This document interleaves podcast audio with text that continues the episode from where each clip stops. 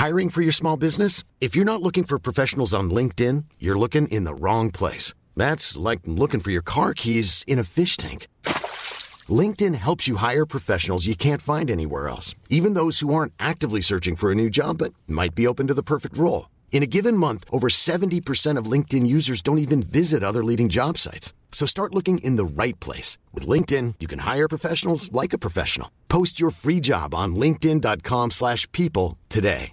This is Paige, the co-host of Giggly Squad, and I want to tell you about a company that I've been loving, Olive and June. Olive and June gives you everything that you need for a salon quality manicure in one box. And if you break it down, it really comes out to $2 a manicure, which is absolutely insane. It's also so easy to get salon worthy nails at home with Olive and June. The difference between how your nails used to look when you did them yourself and now with the Manny system is a complete game changer. The best thing about Olive and June too is it's a quick dry, dries in about one minute, lasts for five days, and full coverage in up to one to two coats. Visit oliveandjune.com slash perfectmanny20 for 20% off your first system. That's oliveandjune.com slash perfectmanny20 for 20% off your first system. Quality sleep is essential. That's why the Sleep Number Smart Bed is designed for your ever evolving sleep needs. Need a bed that's firmer or softer on either side? Helps you sleep at a comfortable temperature? Sleep Number Smart Beds let you individualize your comfort so you sleep better together. JD Power ranks Sleep Number number 1 in customer satisfaction with mattresses purchased in-store. And now, save 50% on the Sleep Number limited edition Smart Bed for a limited time. For JD Power 2023 award information, visit jdpower.com/awards. Only at a Sleep Number store or sleepnumber.com.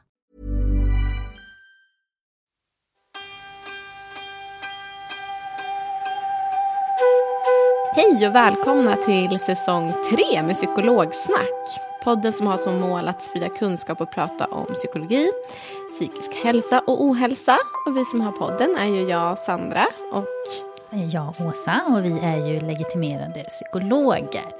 Och nu är det ju dags för inspelning av ett nytt spännande avsnitt.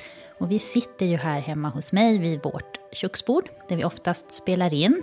Och mitt emot oss idag har vi vår gäst Josefin Karlsson, som också är legitimerad psykolog på stiftelsen Tusen möjligheter. Varmt välkommen! Tack så mycket. Och veckans ämne känns ju väldigt intressant och spännande. Och vi är så glada att du är här Josefin. Men det är ju också ett ämne som jag och Åsa inte är så välbekanta med kan man väl säga. Och som ja, det känns lite nervöst och roligt att spela in kring det här. Men vad, Josefin, kan du berätta, vad är det du jobbar med? Jo, jag jobbar ju då som ni sa som psykolog och ansvarig för stödverksamheten på den här stiftelsen Tusen möjligheter. Och den här stiftelsen driver egentligen två olika verksamheter. Den ena riktar sig till unga som har erfarenhet av partnervåld eh, i sin relation. Och där hjälper vi till då via en sajt som heter ungarelationer.se och också på mottagningen. Men så har vi också en verksamhet som eh, hjälper och stöttar unga i prostitution eller som använder sex som självskadebeteende. Och det är väl det vi ska prata lite mer om idag. Ja, ja men precis. Det är den andra delen här av Exakt. verksamheten som du beskriver, som vi tänkte ha som, som fokus idag. Mm. Ja. Eh, och eh, vilka är det då som söker sig eh, till er? Det är framförallt då unga mellan 15 och 25 år som söker sig, som då har erfarenhet av prostitution eller sex som självskadebeteende och som antingen har blivit hänvisade av någon annan instans, socialtjänsten, psykiatrin, eller som har vänt sig hit på egen hand, som har hittat vår hemsida, som har hittat vårt Instagramkonto och söker sig för att få hjälp. Okej. Okay. Och vad är det de behöver hjälp med? Många som är utsatta för prostitution lider ju av eh, omfattande psykisk ohälsa. Många har ju depression, ångest, eh, PTSD, alltså posttraumatiskt stressyndrom. Så många kommer ju för att de mår väldigt, väldigt dåligt. Um, och vissa av dem har redan slutat sälja sex, men mår fortfarande väldigt, väldigt dåligt och behöver hjälp med det. Mm. Medan andra är kvar i det. Um, så att de fortfarande säljer sex, men de vill ha hjälp att sluta, men de vet inte hur de ska komma ur det. Så då kan man hjälpa till både med det psykiska måendet, men också med att hitta andra sätt att eh, hantera sina känslor och sin ångest på, eller sin livssituation, så att man inte behöver sälja sex längre. Men vad är det som gör att eh, en kan hamna i prostitution då? Jag tänker, ibland hör man ju att personer pratar så här att ja, men det är ett val man gör, att det här är ett fritt val, det är någonting man vill. Vad tänker du kring det? Mm, jag tänker att det kan finnas väldigt många olika anledningar till att man hamnar i prostitution och att det kanske kan finnas flera anledningar. Men det som är viktigt att säga här är att ungefär 80 procent av de som befinner sig i prostitution har varit utsatta för sexuella övergrepp tidigare. Så att någonstans där så finns det en koppling eh, av tidigare sexuellt våld och sen att man då så att säga väljer att, att försätta sig i liknande situationer igen. Så för många kan det vara ett sätt att faktiskt um, hantera ett dåligt mående på. För om man har varit utsatt för sexuellt våld tidigare så är det ju ganska hög sannolikhet att man inte mår så bra av det. Att man kanske utvecklar symptom på depression, ångest, olika sorters självskadebeteende, PTSD. Och för att hantera de här symptomen så kan det då bli att man väljer att, eller att man på något sätt dras till att träffa män som man vet kommer skada en. För att i stunden så kan det göra att de jobbiga känslorna försvinner. Så på kort sikt kan det liksom funka som någon form av ångestlindring. Men på lång sikt så får man oftast ännu mer känslor av skuld, av skam, av äckel.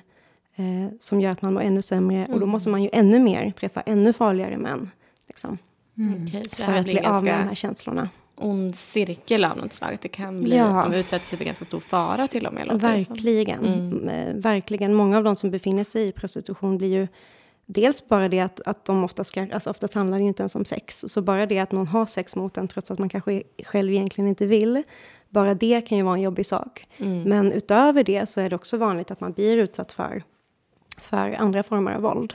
Många av sexköparna vill liksom och kan till och med betala extra för det, för att få slå en, för att få skada en på olika sätt. Och det är också vanligt att man blir, att sexköparna går över de gränser som man tidigare bestämde. Man kanske kom överens om någonting som skulle göras, men sen så kanske mannen ändå liksom väljer att göra fler saker som man inte kommit överens om, så att det blir ytterligare våldtäkter. Mm. Um, Okej, okay. så det är liksom en anledning en.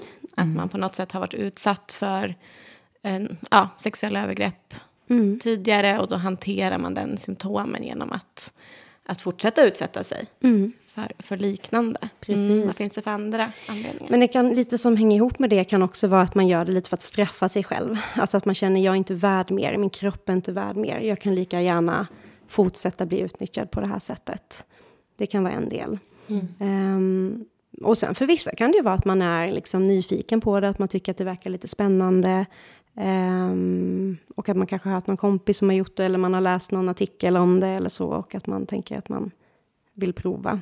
Mm. Och för ytterligare andra kan det vara uh, mer materiella skäl, att man faktiskt behöver pengarna. Um, man kanske behöver någonstans att bo.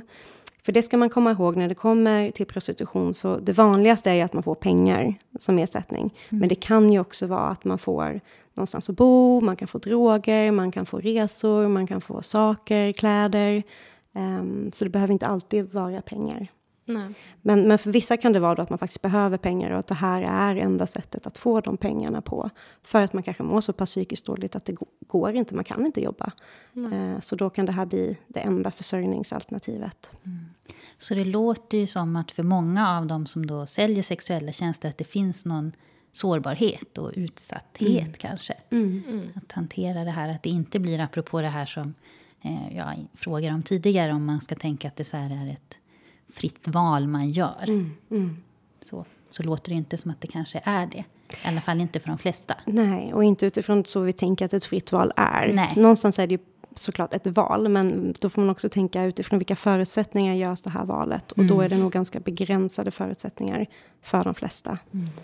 Ehm, så för de flesta handlar det inte om någon form av eh, hypersexualitet och någon form av så här, empowerment eller så som, som det ibland kan beskrivas som. Sen kan det ju finnas undantag såklart, det kan ju kännas så för vissa. Mm. Eh, men, men för de som söker hjälp och de jag träffar så är det mer att man, det är någonting som man gör för att överleva sitt egna psykiska mående. Mm. Eller för att överleva sin faktiska livssituation. Mm. Finns det olika former av prostitution? Eller de som söker sig till, till er? Mm, man kan säga att det finns olika former. Och den största delen som vi har egentligen i Sverige, alltså det som utgör tre fjärdedelar av prostitutionen, är eh, offer för människohandel. Mm. Eller, för, eller som det också kallas trafficking, för sexuella ändamål. Så det är egentligen den största gruppen som vi har i Sverige. Det är däremot inte den gruppen som vanligtvis söker sig till oss på mottagningen. Utan den här gruppen kommer kanske mer i kontakt med polisen och, och den typen av samhällsinstanser. Ehm, men vi har också en grupp eh, som, ehm, som liksom säljer sex utan att vara tvingad av någon. Det finns ingen hallick, det finns ingen annan person som är mellanhanden, utan det är de själva som gör det här. Och det är väl den gruppen som jag träffar på framför allt på min mottagning. Men det kan också vara personer som är tvingade, kanske inte av en människohandlare då på det sättet, men kanske av sin pojkvän eller en kompis. Um, mm. Mm. När du pratar om de här sexköparna, vilka mm. är det som är sexköpare? Mm, de som köper sex är i princip bara män. Och eh, enligt eh, rapporter som har gjorts så är det ungefär en av 13 män i Sverige som har köpt sex. Och det som är eh, lite intressant med det här är att det finns, liksom, det finns inte så mycket eh, gemensamt mellan de här männen om man tänker till så yrke eller ålder eller så, utan män som köper sex kan vara från vilken liksom, kategori av man som helst. Mm. Så det är allt från liksom 15-åringar till eh, 70-åringar. Allt från personer som har väldigt välbetalda jobb till personer som inte har något jobb alls. Mm. Um, det kan liksom vara det kan vara, familjefädrar ja, och det kan vara... Ja, det som är gemensamt är väl att de har en syn där man tänker mm. att man kan köpa någon annans kropp. Liksom. Det är väl det som på något sätt blir det, den gemensamma nämnaren mm. i det hela. Mm. mm. Och de här siffrorna, är det liksom sexköp i i Sverige? Eller är det så här, har du köpt sex någonsin? Jag tror kanske land, inte att eller? man har definierat, i den Nej. rapport jag tänker på, så tror jag inte att man definierat, liksom, eller frågat vad du har köpt, utan bara Nej, om, man, om har man, har köpt. Så det kan ju vara att våra svenska män också åker ja. ut till länder där det är eh, lagligt att köpa sex. Ja, det finns Och fortfarande de, mm, länder där det är absolut. lagligt. Mm, många länder. Mm. Ehm, så så kan det ju vara. Mm. Men det köps ju också sex i Sverige, även om det faktiskt är olagligt mm. att köpa sex här. Såg man någon förändring i, inom prostitution och bland de som också då köper sex i och med den här sexköpslagen? Heter mm. den så? Som ja. kom 90... 99, precis. Ja. svenska sexköpslagen kom ju 99 och var ju ganska unik liksom, eh, i utformandet av lag. Det var det första landet i världen som som bestämde att det ska vara lagligt att sälja sex, men olagligt att köpa sex. Och det gjorde man på något sätt för att man ville eh, förtydliga att skulden och, och ansvaret ligger på köparen och inte på den som är utsatt och den som säljer. För då hade man i den här undersökningen som man gjort som föranledde det här, den här lagen, så hade man ju sett att det var en stor utsatthet hos många av de som sålde sex. Och då ville man inte lägga på ännu mer skuld och skam genom att också säga att de gör en kriminell handling. Utan där ville man liksom att det ni gör får vara lagligt, liksom, så att ni inte dubbelbestraffas, medan skulden ska ligga på, på den som köper sex. Och 2010 så gjorde man en utvärdering av lagen där man kollade lite grann vad den har haft för effekt. Och då såg man just det att, eh, och då jämförde man med de, våra nordiska grannländer som då inte hade någon, eh, som inte hade liknande lagstiftning, utan där det var lagligt att köpa sex. Och då såg man att i Sverige hade gatuprostitutionen minskat, den hade typ halverats, eh, vilket den inte hade gjort i våra grannländer. Förekommer det fortfarande gatuprostitution? Det är ju något sånt där man, alltså jag som är inflyttad till Stockholm, det var ju något av det första man fick höra när man gick där på Malmskillnadsgatan. Att så mm. men här, det här är den gatan där det alltid har funnits eh, gatuprostitution. Mm. Sen, ja, jag kan inte säga att jag har inte sett något sånt, eller jag kan inte identifiera det i alla fall. Mm. Men finns det fortfarande kvar, liksom sån typ av prostitution? Ja, det finns kvar, men den har minskat. Mm. Eh, men den finns absolut kvar. Um, särskilt på vissa ställen och i storstäderna och sådär. Mm. Uh, men, men ändå, även den har liksom på något sätt... Även, även människohandlarna har liksom förflyttat över eh, det de gör på internet. Mm. Så de skriver liksom annonser som om det vore som att kvinnorna och barnen skriver själva. Okay. Eh, men det är egentligen liksom mm, det kan vara de som, alltså människohandlarna eller hallickarna som skriver själva annonserna. Mm. Okay. Så det har förflyttats dit väldigt mm. mycket. Är prostitution liksom en välorganiserad verksamhet här i Sverige? Alltså att det är organisationer som bedriver det um, mer än enskilda individer? Ja, alltså tre fjärdedelar då är ju den här människohandeln. Ja. Och då kan mm. man väl säga att det är någon annan som på något sätt mm. har organiserat mm. eh, det här. Och sen är det då en fjärdedel som, mm, där man gör det mer på egen hand. Mm. Så absolut, om man tänker att människohandel är någon form av organiserad brottslighet så, ja. så vilket det ju är. Ja, det så tänker absolut. jag. Ja. Mm. Mm. Mm. Och hur skiljer det, liksom, om man tittar, när vi pratar lite om så här, sexköparna, om man tittar på de som, som säljer sex, du var inne lite på det, men vad, hur skiljer sig personerna som liksom säljer sex genom trafficking och de som faktiskt eh, gör det på ett annat sätt? Eh, hur skiljer de sig, de två grupperna? Mm. Och där är väl den största skillnaden att de som är utsatta för trafficking kommer från fattiga mm. länder. Liksom, att de har transporterats hit. Mm. Medan eh, de som gör det utan att vara tvingade, de kanske liksom är födda i Sverige eller har bott i Sverige en Just längre det. tid.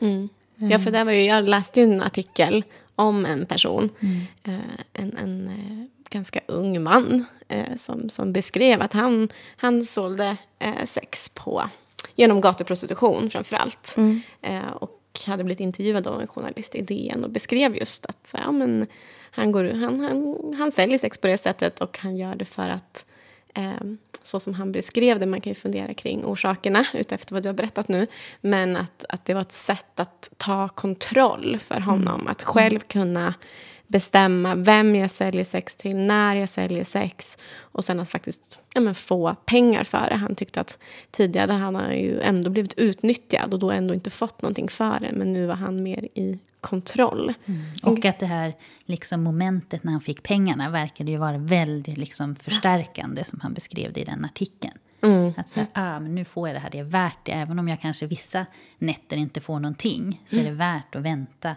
ändå på det här tillfället när jag mm. väl får den här betalningen sen, när det mm. dyker upp. Absolut, men det tänker jag är en ganska vanlig erfarenhet som jag ja. har hört andra berätta om också, just det du säger där om att att det här blir lite som att man har kontroll över situationen. Tidigare har man varit utsatt och då har man inte haft någon kontroll alls. Och det här kan vara ett sätt att ta makten över ja. Liksom. Att man nästan som skapar, alltså vissa upplever det till och med att de skapar som sina egna våldtäktssituationer om och om mm. igen. Men nu bestämmer de med vem de har liksom mer makt på något sätt um, i och, situationen. Mm. Och jag förstår också som att det är ganska vanligt att, är, att unga män säljer sex. Mm. Mm. Att det är nästan lika hög utsträckning som, som kvinnor. Ja. Mm. Om man tänker i den gruppen just då som gör det utan att bli tvingade så är det ju också män som säljer sex. Och mm. människohandel är det ju framförallt då, då är det ju framförallt kvinnor och barn, alltså mm. flickor. Mm. Eh, men i den här andra gruppen eh, så är det också eh, även män som säljer sex. Och man har också sett att transpersoner är en, en extra utsatt grupp. Okay. Mm. Eh, där, debut, eller där man börjar sälja sex har man sett siffror på redan från 12 års ålder. Mm. Oj, det är, som transperson. ungt. Ja. Så det är väldigt, väldigt ungt. Medan den genomsnittliga åldern annars är 14-15. Mm. Som också är väldigt ungt. Som också är väldigt, alltså, ja. väldigt så, Det är ju barn. Det är ja, barn. Det är barn. Mm. Det är alltså, ja, fy. Det, oh, det går inte att föreställa sig. Nej. Och det är liksom på något sätt, oavsett barnen, liksom, deras beslut så är det ju ändå liksom män som väljer att köpa barn. Mm. På något sätt. Mm. Det är det som blir det sjuka i det här. Man kan ju förstå att någon som varit utsatt, man kan ju förstå varför man hamnar i det här, i att man börjar sälja sex. Det är inte ja. jättesvårt att förstå. Men det är lite svårare att förstå hur man kan välja att köpa sex av ett barn. Ja. Som, i många, som man i många fall också ser mår dåligt. Ja, och som ser liksom små och sårbara och unga ut. Jag mm. tänker, ser man så här 13, 14, 15-åringar mm. på stan, de ser ju Ja, men de ser ju ut som barn. Ja, man ser ju uppenbart att det är barn. Det går ju inte att tänka att det här är nog en 25-åring. Nej. Nej. Nej. Inte för att det skulle vara mer okej, okay, men jag tänker... Mm. Ja, mm. usch. Ja, det är fruktansvärt. Och det är väl samma där, att även om det är en man som säljer sex så säljer de ju ofta till andra män. Exakt, mm. det, är fortfarande männen som köper. Ja. Oavsett om det är liksom en man, transperson eller kvinna så är det oftast, det är, eller framförallt, ja, det är en, männen som köper. Det är det som är en typisk sexköpare, en man. Mm, Sen finns det olika, som jag förstår det då. Ålder, bakgrund, hur mycket pengar man har. Så det kan vara väldigt olika, men ja. i stort sett att det är en man. Ja. Och det som ställer till det så mycket för utöver själva utsattheten är ju att många av dem jag träffar på mottagningen blir fruktansvärt rädda för män. Mm. För att det finns inget sätt att urskilja vilka som skulle kunna utsätta dig och köpa din kropp, eftersom det kan vara vem som helst. Och det gör att när du går på gatan, när du sitter på tunnelbanan, när du köper din mat i matvarubutiken, alltså varenda man blir som en potentiell förövare för de som har varit utsatta för de här Just männen. Vilket blir såklart superjobbigt eftersom det är 50 procent av befolkningen som mm. man går runt och är livrädd för. Mm. Och inte känner något förtroende för, inte litar på överhuvudtaget. Mm. Ja. Så det blir en väldigt svår situation. Liksom. Ja. Verkligen. De som är utsatta. Du var inne lite på det här med att det har blivit en förändring av ehm, eh, hur köpen går till, eller vad man ska säga, efter att internet har ja, tagit över världen, eller vad mm. man ska säga. Mm. Eh, det har ju stått en del artiklar bara i december också. Det var, jag tror att det var någonting på tv där om den här högt uppsatta eh, företagschefen som var åtalad för att då genom sugar dating mm. ha tagit kontakt med massa olika eh, unga och vissa minderåriga kvinnor då. Eh, det här med sugar dating, alltså vad, är det någonting du stöter på hos er? Absolut. Det är mm. ju den senaste, liksom, det senaste fenomenet på något sätt som de senaste åren har blivit tydligt. Mm. Och det är ju, alltså sugardating är ju liksom en, en asymmetrisk relation där en ung person på något sätt erbjuder sällskap och oftast sex i olika former i utbyte mot den här äldre personens pengar eller resor eller eh, middagar eller kläder eller mm. saker. Mm det man har sett med sugardating är att det lite grann har um, också nått en annan målgrupp på något sätt. Dels är det oftast väldigt unga personer. Mm. Um, men det, man ser också där att, att det behöver... Det kan ju vara absolut så att man varit utsatt för sexuella övergrepp även där. Men man ser också att det, det, det börjar växa fram en annan grupp som mer gör det för att uppnå en livsstil. Liksom, mm. på något sätt. Att man tänker att det här kan vara ett sätt för mig att att kunna ha de där märkeskläderna, att kunna åka på de här resorna, att kunna göra så som alla influencers gör, att kunna leva den livsstilen. Liksom. Mm. Um, och det finns till och med klipp på Youtube liksom, där, där um, unga tjejer så här, skryter om den här väskan jag har fått av min sugar daddy, ni alla borde prova det här, det här är ett bra sätt att få så det är nästan lite så normaliserat. Att ja. det är så här okej. Okay. Ja, jag tänker att, för några, oj, förlåt, för några år sedan var det ju också så här, ja, men glossiga annonser på stan och i tidningarna. Mm. Då kom det upp lite till debatt. Jag kände knappt till det mm. innan. Men Nej. där kan jag tänka att det också blir så här att man ger en annan bild av det. Men är det också så då att de här Um, om man framförallt tänker att det är, är det framförallt tjejer då? Eller är det även killar? Ja, både tjejer och både killar. Tjejer och killar. Men, ja, men framförallt tjejer. Ja, men du sa att det är en liten annan målgrupp, att man mm. inte så här förstår att det kanske sen finns något eh, outtalad förväntan om att det här ska leda till ett utbyte av så sexuella tjänster. Att man ja, tror att det bara handlar om att kanske gå och äta den där middagen eller åka med på den här resan. Verkligen. Mm. Och det är väl det som är det stora problemet här. Att, att sugardating låter som någonting annat än vad det sen oftast blir. Mm. Det låter till och med lite gulligt med sugardating. Ja, eh, men i många fall så är det ju förklädd prostitution. Mm. Men det är ju absolut inte så som det marknadsförs.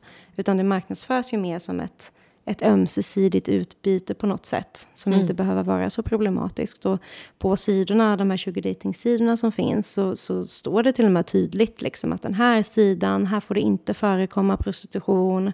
Man måste klicka ni vet, på så här, godkänna villkor att det här mm. inte ska ske eh, eftersom det ju är olagligt. Liksom. Eh, att det här inte får hända. Men sen om man väl tittar på annonserna eh, som läggs upp där så är det tydligt att det i många fall visst är det som efterfrågas. Man har bara liksom utvecklat ett annat språksystem för mm. att förmedla vad det är man vill göra, liksom, eller mm. vad det är som ska ske. Och sen så byter man ganska snabbt forum från de här sidorna till WhatsApp eller Just till... Det. Liksom, att det blir privat. Eh, ja, mm. till ett annat forum. Mm. mm. Men jag tror verkligen, precis som du sa där innan, att, att man kanske som ung tjej kom in med andra, en annan tanke om vad som vad det här innebär. Och oftast så, så är det ju inte som att, att det sker något, att det blir sex kanske första dejten, utan första gången kanske man faktiskt bara träffas och äter den här middagen och så får man 2000 spänn och så tänker man att det här är ju skitlätt. Mm. Lätta pengar liksom. Ja. Mm. Men när man sen kanske träffas tredje, fjärde gången och den här mannen börjar vilja ha mer och mer och mer, så kan det som du sa där innan, Åsa, bli ganska svårt att våga säga nej också. För då har man känt att liksom, den här mannen har ju gett mig så himla mycket. Mm. Det kanske inte är så farligt, jag kanske, men en kyss kanske han kan få. Och sen vet, så pushas ens egna mm. gränser. Mm. Eh, och ibland handlar det inte ens om det, utan ibland är det bara att mannen ändå våldtar en oavsett vilka ja. gränser man sätter mm. upp. Liksom. Um, så det, sugar dating är verkligen um, i de flesta fall liksom som förklädd prostitution, bara att vi använder ett annat namn för det. Mm. Mm. Ja, det, ja, jag har varit inne och så här, kollat runt lite och då var det en artikel nu på DN också i december kring, kring ett, ett, um, en sugar dating site som inte finns i Sverige men som finns i 139 andra länder. Mm. Och där det var över 13 miljoner som är med i den här sajten. Mm. 13 miljoner! Det är ju mycket alltså. Det är helt sjukt och det säger ju också någonting om hur mycket det här verkar mm. växa. Mm. Ja.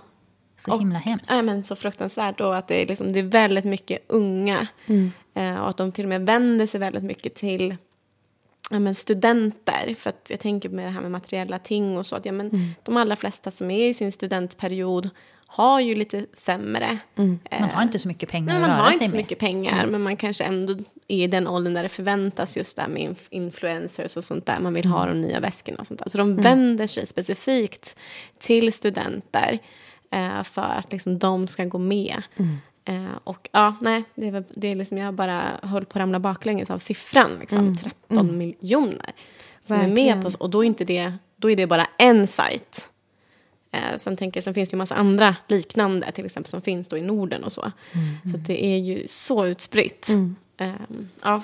Och just det här att de är så duktiga då på något sätt att marknadsföra mm. sig själva är också lite obehagligt. Just att de vet vilken målgrupp de vill ha. De vet att det är de här yngre tjejerna mm. liksom i en viss situation som de är ute efter och anpassar på något sätt liksom sin marknadsföring mm. utifrån det. Mm. Ja, det finns till och med på vissa av de här eh, sugar dating-sajterna så finns det tips till eh, sugar daddyn. Eh, jag läste någon spännande artikel där, man, där det stod tio sätt att ta hand om din sugar babe.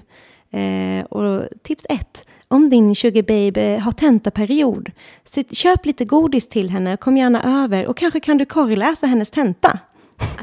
oh. Oh, alltså, oh, Tips två, din sugar babe kanske behöver lite pauser ibland. Hon kanske kan komma över till dig så kan ni ha lite kul. Oh, eh, så att det, liksom, man skriver artiklar liksom, mm. riktade till sugar daddyn i hur han då ska ta hand om, och även till sugar babesen. Hur blir du en eh, attraktiv, eh, hur tillfredsställer du din sugar daddy? Mm. Och så finns det liksom olika tips på hur man kan göra detta.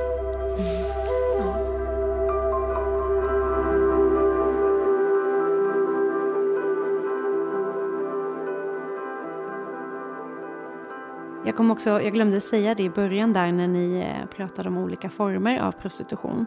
Så finns det ju faktiskt en annan eh, grupp som jag tänker är viktig att prata om och det är nämligen alla de som blir eh, utsatta för prostitution i sammanhanget pornografi. Okay. Eh, där man har sett att, att de eh, som, som blir utsatta, de blir både utsatta liksom för prostitution på något sätt och så blir det filmat dessutom. Eh, så att de här övergreppen, som det i många fall faktiskt är, mm. eh, lever vidare för, för alltid mm. på något sätt. Och det finns en rädsla för många av dem som, som, där det har blivit filmat just att tänk om min eh, arbetsgivare ser det här, tänk om mina vänner ser det här, tänk om mina barn ser det här. Där förlorar man ju helt kontrollen på vart de här filmerna sprids. Mm. Och om man tittar på forskning så ser man att ungefär 49 procent av de som har varit i de här andra eh, prostitutionsformerna också utsätts inom pornografin. Okay. Så det är ändå nästan 50 procent som sen också på något sätt där det blir filmat eh, också och sen sprids. Um, och så har man också sett i forskning att, att de um, som är utsatta i pornografin har liksom ännu värre PTSD-symptom mm. än de som är utsatta uh, för andra former av Mm. prostitution. Och då, så att säga, de som har varit utsatta för det här andra som jag pratade om, det, de har ju ändå PTSD-nivåer som likställs med Vietnam-veteraner och, ehm, och eh, flyktingar som varit utsatta för tortyr. Den nivån av PTSD har de som inte varit utsatta även i pornografin. Och de som är utsatta i pornografin har ännu högre PTSD-symptom och ännu högre psykiskt lidande. Ja, fy, det kan man ju verkligen förstå. Alltså, jag tänker det här med att rädslan för, precis som du säger, så här, vem kommer se det här? När kommer det dyka upp? När träffar jag en person som, som känner igen mig, som har sett det här? Eh, kommer det någonsin försvinna? Kommer jag liksom någonsin komma bort från det här? Det känns ju som att sånt som har hamnat på nätet finns där för alltid, eller i all oändlighet. Går det att liksom ens rensa bort och ta bort? Tänker det kan vara vem som helst som laddar ner någonting och sen ligger det i den personens Och så dator. sprids eller- till någon annanstans. Ja. Det måste vara jättesvårt att Så det känns som att de här liksom. övergreppen bara upprepas, upprepas, upprepas. Ja. Via att det finns på nätet. Verkligen. Och där har vi ehm, också, för det finns ju faktiskt de som är utsatta för prostitution men faktiskt inte heller träffar någon eh, IRL, utan att man bara säljer ehm, bara inom citationstecken då, ehm, eh, bilder eller filmer på sig. Och där kan det ju bli lite samma fenomen ju, att man ju när man skickat iväg den här eh, bilden och om man då, för oftast vill de ju ha att ens ansikte ska synas och sådär, då förlorar man ju också kontrollen helt över vart den här Ja. bilden eller vart den här filmen sen tar vägen. Ja, fy. Mm, så fruktansvärt. Så det är lite samma, och där, där upplever jag verkligen hos dem jag träffat att det, är- det är så stressigt, liksom. det är så jobbigt att inte veta var de här filmerna tar vägen. Ja, det är en total kontrollförlust. Pratar man om det här, jag tänker i, så här, i skolan numera, lär man barn och unga om de här sakerna? Eller är det något som man inte tar upp? Eller Alltså vet inte du hur det tillräckligt tror jag inte. Man har ju börjat prata lite om, det finns ju en diskussion nu kring porr och sådär, att man, man pratar om att det, det behöver vi ta med i liksom sexualundervisningen och, och kunna liksom problematisera det. Så det tror jag ändå kanske börjar komma in lite grann. Eh, men jag tror att det behövs mycket, mycket, mycket, mycket, mycket mer. Och även kring det här med att köpa sex och sådär undrar jag om inte det också skulle, att man har liksom börjar prata med. Ja. För det är ju liksom, det börjar ju någonstans. Det är inte som att man som 40-åring bara, nu ska jag köpa sex. Utan så här, det är ju en process som har pågått sedan man, man var liten. Där man på något sätt har socialiserats in till att tänka att, jo men, eh, det här är okej liksom på något sätt. Så för att bryta det måste vi ju liksom på något sätt redan börja när pojkarna är små. Eh, och prata om vad som är ömsesidighet, vad är okej liksom. Vad är sex, vad är övergrepp? Mm. Att, att den diskussionen finns med tidigare. Även i skolan. Ja, alltså, kan ju bara, när jag växte upp så var, pratades ju noll om det. Mm. Alltså det som var sexualundervisning, det var ju så här, så här skyddar kvinnor sig för att inte bli gravida. Vi tittade Punkt. typ på så här diabilder med, hette det pagopedagog? det var den undervisningen som fanns.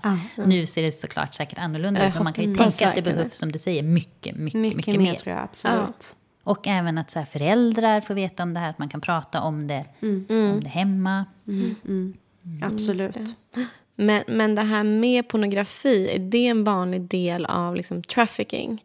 Att personer som, att de både blir utsatta då, som säger, för prostitution och prostitution under pornografi, vad man ska säga, som också Ja, sen absolut. säljs Absolut. som filmer och klipp. Och, ja, okej, fy. För att de som, det har man ju också tittat på forskning på, de som är i pornografi och de lider ju av extrem liksom, fattigdom, social utsatthet. De har ju också varit utsatta för massa sexuella övergrepp tidigare, massa liksom, omsorgsbrist när de var små. Alltså det finns, det ser ganska tragiskt ut, ärligt talat, om man tittar på bakgrundsfaktorerna.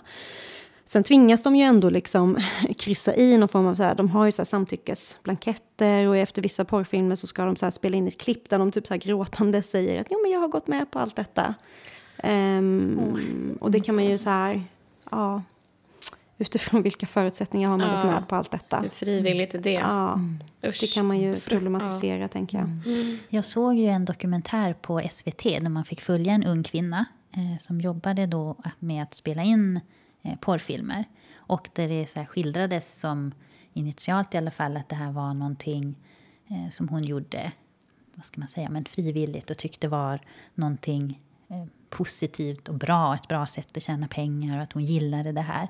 Men ju längre man fick se, och det var så sorgligt, så målades det ju upp, eller man fick ta del av hennes liksom lidande, det här psykiska lidandet och hur otroligt sårbar hon var och hur dåligt hon mådde och de här miljöerna hon befann sig i. Det var ju hemskt. Och jag blev så illa berörd och kände även att bara den här filmen var nästan som ytterligare ett övergrepp på henne. Att alla vi kunde titta på det här, för hon hade inte distansen själv till att kunna se att hon mådde dåligt i det här, eller i alla fall inte sätta ord på det. Utan trots att hon grät, hade panikångestattacker inför de här scenerna de skulle ta, fick ta tabletter, mådde jättedåligt, så kunde hon inte liksom säga, och det kanske man inte kan i det där läget när man är i det, men det var så sorgligt att, att man valde att visa den här dokumentären tyckte jag. Att det var inte med respekt eh, för henne. Det kändes respektlöst. Mm. Och just det där tänker jag också är en vanlig mekanism. Just att när man är otroligt utsatt, att på något sätt nästan vilja att det är av fri vilja. Liksom. Att det är också någon form av känsla av kontroll, att jag väljer det här. Kanske ett skydd för Eh, en och ett själv skydd, också. Liksom. För att om man då också ska inse att man är utsatt. Alltså det är inte jättemånga som gillar att vara ett offer. Nästan Nej. ingen jag träffar vill ju identifiera sig själva som ett offer. Nej. Ehm, och det, det blir man ju då på ett sätt om man säger att man är utsatt. Så att för att skydda sig från den liksom, insikten så, så kan det ju vara ganska vanligt att man så här, på något sätt kommunicerar utåt att det här är ett fritt val. Det tycker jag många som jag träffar på min mottagning också är att de för då har vissa kommit ganska långt och man kanske kommit ur prostitutionen, vi har börjat med någon PTSD-behandling, vi har sett ett tag. Och då kan de så här efterhand se att oj, när jag befann mig i prostitutionen så sa jag hela tiden till alla som visste om att jag gör det här frivilligt. ni behöver inte vara oroliga, det är lugnt. Men nu i efterhand ser jag ju att jag gjorde det här för att jag mådde dåligt. Och jag vill ju verkligen inte alls det här. Jag hade panikångest, jag skar mig efter de här träffarna. Alltså att det framkommer en helt annan eh, bild. Liksom, Som de själva också så här, ser när man just får lite distans till det. Just det. Sen har ju alla rätt till sin upplevelse såklart. Man kan ju Ja. aldrig ta ifrån någon en upplevelse av att det är av fri vilja. Nej. Om det känns så, så så får ju personen såklart känna så. Ja. Eh, ja. Men, men nu talar vi ju på något sätt på gruppnivå hur det brukar vara för de flesta. ja. Så hur ser det ut då? Om, om man ändå kommer eh, och söker sig till er verksamhet, hur, hur behandlar du, hur jobbar ni med de här personerna? Mm. Det absolut viktigaste tycker jag är att i den inledande kontakten eh, är att liksom Ehm, men vara ganska icke-dömande, ställa en massa frågor, inte anta någonting utan verkligen bara utforska var den här personen befinner sig, hur den upplever sina erfarenheter av prostitution och låta den liksom prata av sig kring det. Ehm, och, och för många, många har ju ändå haft kontakt med psykiatrin, socialtjänst, polis och faktiskt har ju många blivit ganska svikna också av olika instanser. Så att ibland så finns det inte, man kan ibland få jobba lite för att bygga upp ett förtroende. Eh, för att, och sen har de ju också blivit svikna av många, många vuxna män då som har köpt dem. Så att det här med att liksom bara öppna upp sig och att allting ska gå väldigt lätt så där i början brukar inte riktigt finnas. Utan man brukar få jobba ganska mycket med ja, men det vi psykologer kallar för allians, terapeutisk allians. Ehm, men sen börjar det också handla lite om att förstå vad det är som har gjort att man har hamnat där man hamnat. Eh, att man kanske, liksom, då kanske det dyker upp det här med tidigare sexuella övergrepp och tillsammans kanske man kan förstå vilka liksom, funktioner det här beteendet fyller. Att träffa de här männen. Ehm, som jag nämnde tidigare, liksom, då kanske man kommer fram till att det handlar om att döva vissa känslor i stunden eller ett sätt att straffa sig själv. Eller ett sätt att få bekräftelse. Att Hur man börjar reagerar, förstå de, det. Mm, hur reagerar de på det? Att liksom börja se och förstå liksom, funktionen av sina beteenden. För många är det en stor lättnad. För många upplever ju att de är, de kan beskriva det som att jag är helt dum i huvudet. Ja. Det är någonting fel på mig. Varför söker jag upp mina egna förövare? Det är någonting, jag är en äcklig människa. Alltså de lägger skulden och skammen så mycket på sig själva.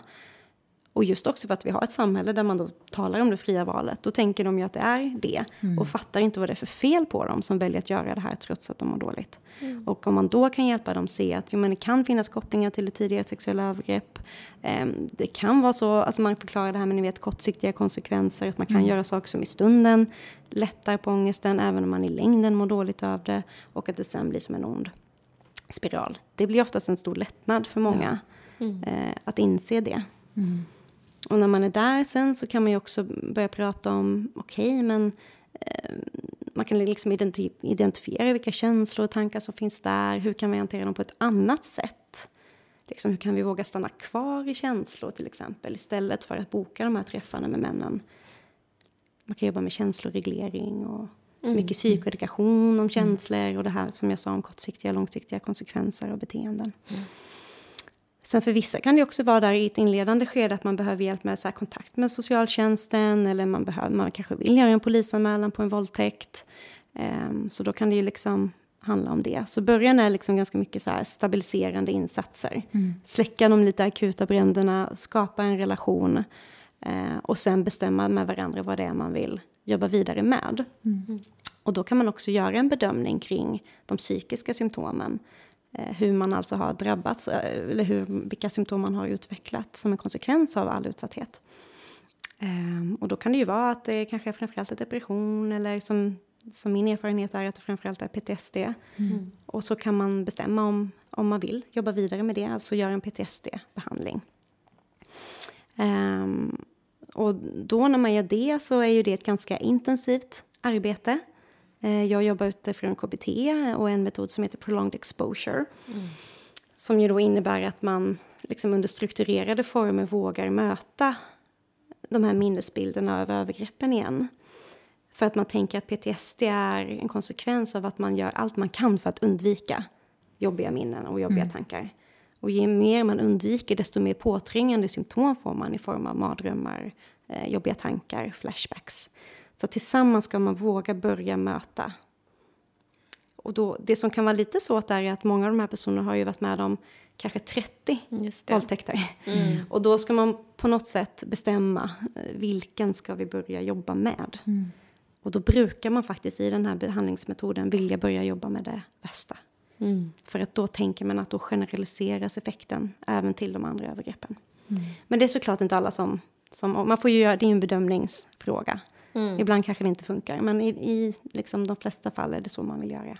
I behandlingen, jobbar du själv då eller jobbar ni i team? Jag tänker att även som så här behandlare kan det ju vara tungt att jobba med de här frågorna, föreställer jag mm. mig. Mm.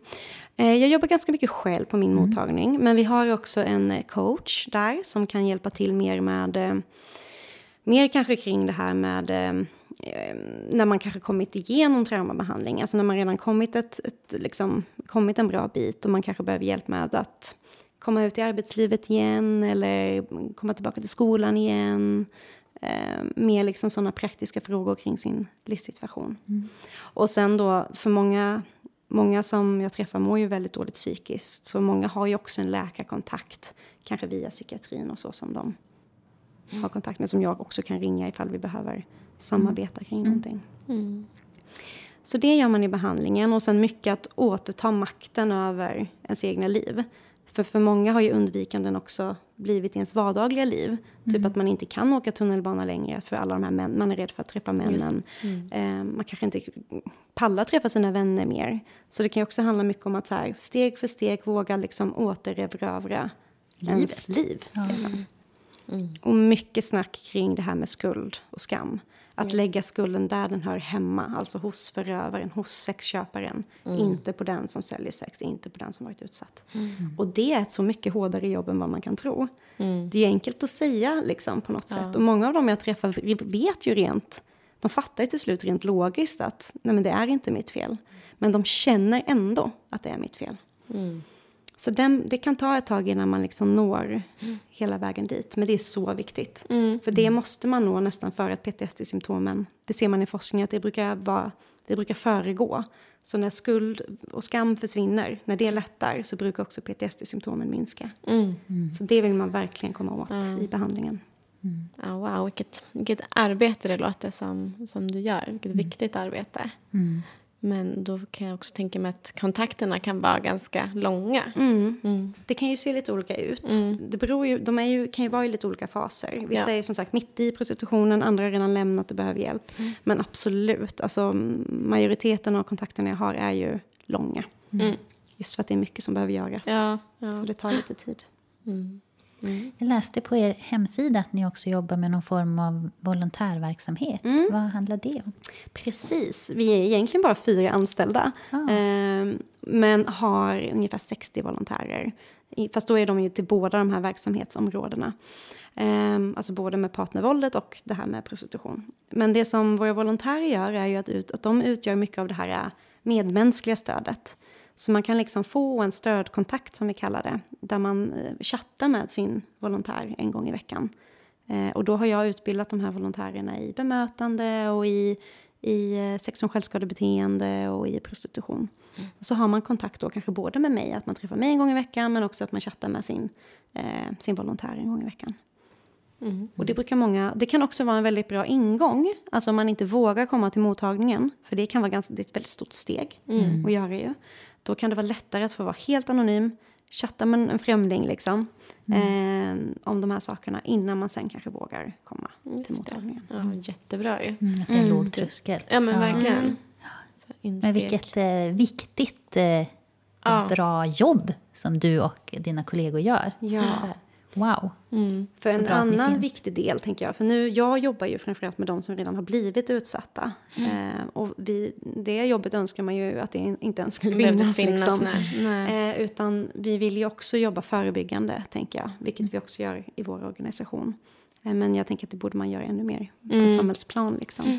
Just med, för det börjar ju som sagt i många fall med de här sexuella övergreppen som sen då inte har blivit väl omhändertagna. Så att bara om vi kunde så försöka minska sexuella övergrepp överlag, det är ju den största förebyggande åtgärden. Mm. Liksom, om, om män bara kunde sluta begå sexualbrott så Ja. hade vi ju sluppit ganska mycket Ja, av det här det- lidandet. Det är lite ganska enkelt Ja. när du säger det på det sättet. Så. Mm, för Få då hade vi att ju, sluta övergå. Ja, och eller- om män inte vill köpa sex. Alltså det, är ju liksom, det styrs ju av efterfrågan. Om våra pojkar lär sig att nej, men det, du kan aldrig vara säker på huruvida den som säljer sex till dig vill eller inte, så därför är det bäst att inte göra det. Därför är det bättre att du träffar en tjej, eller kille eller partner som faktiskt, som du vet vill ha sex med dig. Då kan du ha sex. Då vet du att du har en ömsesidighet. Istället för att chansa på att, du kanske, att någon kanske gör det av fri vilja eller inte. Det vet du egentligen inte. Nej. Det enda du vet är att den här personen gör det för att hen får pengar. Men du vet inte, oavsett vad hen säger, vet du inte om det faktiskt sker av frivilliga eller inte. Nej. Så det här förebyggande arbetet kan man ju tänka börjar egentligen ganska tidigt. Mm, Att jobba med, med barnen då och pojkarna. Eh, med jämställdhet och genus och normer. Och eh, Att det behöver genomsyra hela samhället. Verkligen. Och sen har vi ju vår lagstiftning som faktiskt är ett ganska bra verktyg och som man faktiskt nu stärkte nu 2020. Alltså från och med januari nu så eh, ändrade man lite grann i när det kommer till eh, sexköp av barn. Dels har man bytt namn på det. Innan hette det typ köp av sexuell handling av barn. Nu heter det någonting utnyttjande av barn. Någonting. Och man har ändrat eh, påföljden också. Tidigare var det från eh, böter upp till två års fängelse att man kunde bli dömd. Nu är minimum fängelse Okej. när man köper barn. Alltså Bra. 18. Så Ja, nu kan man ju- Mm. inte komma undan med böter utan nu blir det faktiskt fängelse upp till fyra år. Tydligt ställningstagande. Mm. Ja. Så det känns ändå så här, det känns ändå som att vi kommit ett steg längre där. Okej. Men eh, om man är sexköpare då och vill ha hjälp att ta sig ur det här beteendet, vart kan man vända sig då? För ni jobbar inte Vi egentligen mot jobbar ju sexköparna. inte Nej. bara förebyggande men inte med de Nej. som har köpt sex. Utan då kan man ju vända sig till eh, de olika kastmottagningarna som finns. Jag vet att det finns i Stockholm eh, och Malmö i alla fall. Säkert också i Göteborg Mm, Ja. Göteborg jag också. också. Ja. Så de jobbar ju faktiskt med att hjälpa de här männen att sluta med det. För vissa av männen vill ju inte heller köpa sex. Alltså för vissa är det ju som ett tvångsmässigt liksom, eh, beteende på något sätt som de faktiskt vill lägga av med. Just Och det det. är ju superbra om man tar det ansvaret och faktiskt då vågar söka hjälp. Mm. För Och det jag tror att även här kan man vara anonym Mm, mm. eh, och höra av sig. Ja, det är ju jättebra. Ja, wow. Så intressant. Det känns som att jag har tusen frågor kvar, men jag vet inte om vi kan ta alla idag. Men ja, om man vill veta eh, mer om ditt arbete och vad ni gör så kan man ju gå in på tusenmöjligheter.se eh, och se mer om hur ni arbetar och om man vill ta kontakt och så med er. Precis, och så kan man gå in på ellencentret.se som vår verksamhet heter Just som det. vänder sig till uh, unga i prostitution. Mm. Eller dit kan framförallt de unga vända sig. Mm. Eh, och läsa mer om vilken typ av hjälp man kan få. Just det. Jättebra. Ja. Ska vi börja runda av? Eller Josefin, är det någonting som du tänker så här, men det här är bra att skicka med? Eller har vi missat något viktigt? Eller? Nej men just tänker jag så här att, att olika samhällsinstanser måste våga fråga om det här. Mm. För många av dem jag träffar har ju haft kontakt med många vuxna runt omkring där. Men ingen har ju frågat om de här sakerna och då berättar man kanske inte heller. Ja, I och med det. att det är så skambelagt. Så att faktiskt, kanske precis som man har börjat jobba med våld, alltså fråga eh, om våld på rutin på ungdomsmottagningen och psykiatri och så. Så kanske man också borde börja ha med den här typen av fråga i eh, sådana här frågeformulär. Så att man kan fånga upp Mm. innan det blir liksom värre. Det tänker jag är en viktig sak. Mm. Och att faktiskt se till att de får stöd då också. Om man lyckas identifiera någon som säljer sex. Att, att allmänheten har lite koll på vilken typ av stöd det finns och kunna erbjuda det. Så att man inte bara lämnar ungdomen där utan liksom Nej. vidare insats. Just det. Mm. Nej, jättebra. Och då kan man alltid höra av sig Ja, till er. absolut. Eh, Men eh, stort tack Ja, för tack att du själva. ville komma hit. Ja, tack Jag är så glad att du ville komma och prata om det här väldigt viktiga ämnet. Men som också väcker, tycker jag i alla fall för mig, mycket känslor. Ja, väldigt. Alldeles svettig om händerna känner jag. Ja. Sitter liksom och knyter händerna av ilska ibland och av liksom hjärteskärande ibland. Ja, nej, ett eh, viktigt ämne. Så stort tack. Tack för att jag fick komma hit. Tack. Och såklart tack också då till Ulf Sololf Svedlund från musiken i podden och tack till Jenny Segerheim som klipper och fixar ljudet i podden. Och som också får rycka ut akut ibland när eh, jag och Sandra inte får koll på tekniken. Stort tack. Tack så mycket. Tack. Hej då. Hej då.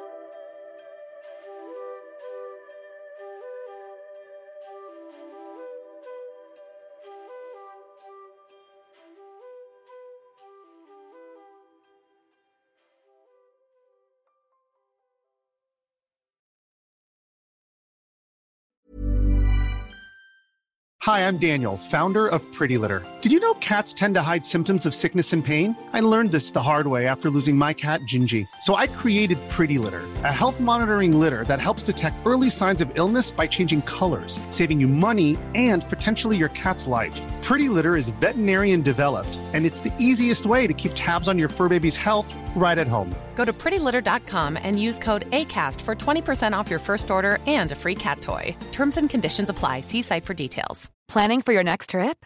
Elevate your travel style with Quince. Quince has all the jet setting essentials you'll want for your next getaway, like European linen, premium luggage options, buttery soft Italian leather bags, and so much more. And is all priced at 50 to 80% less than similar brands. Plus, Quince only works with factories that use safe and ethical manufacturing practices. Pack your bags with high-quality essentials you'll be wearing for vacations to come with Quince. Go to quince.com slash pack for free shipping and 365-day returns. Imagine the softest sheets you've ever felt. Now imagine them getting even softer over time. That's what you'll feel with Bowl and Branch's organic cotton sheets. In a recent customer survey, 96% replied that Bowl and Branch sheets get softer with every wash. Start getting your best night's sleep in these sheets that get softer and softer for years to come. Try their sheets with a 30-night guarantee. Plus, get 15% off your first order at bowlandbranch.com. Code BUTTERY. Exclusions apply. See site for details.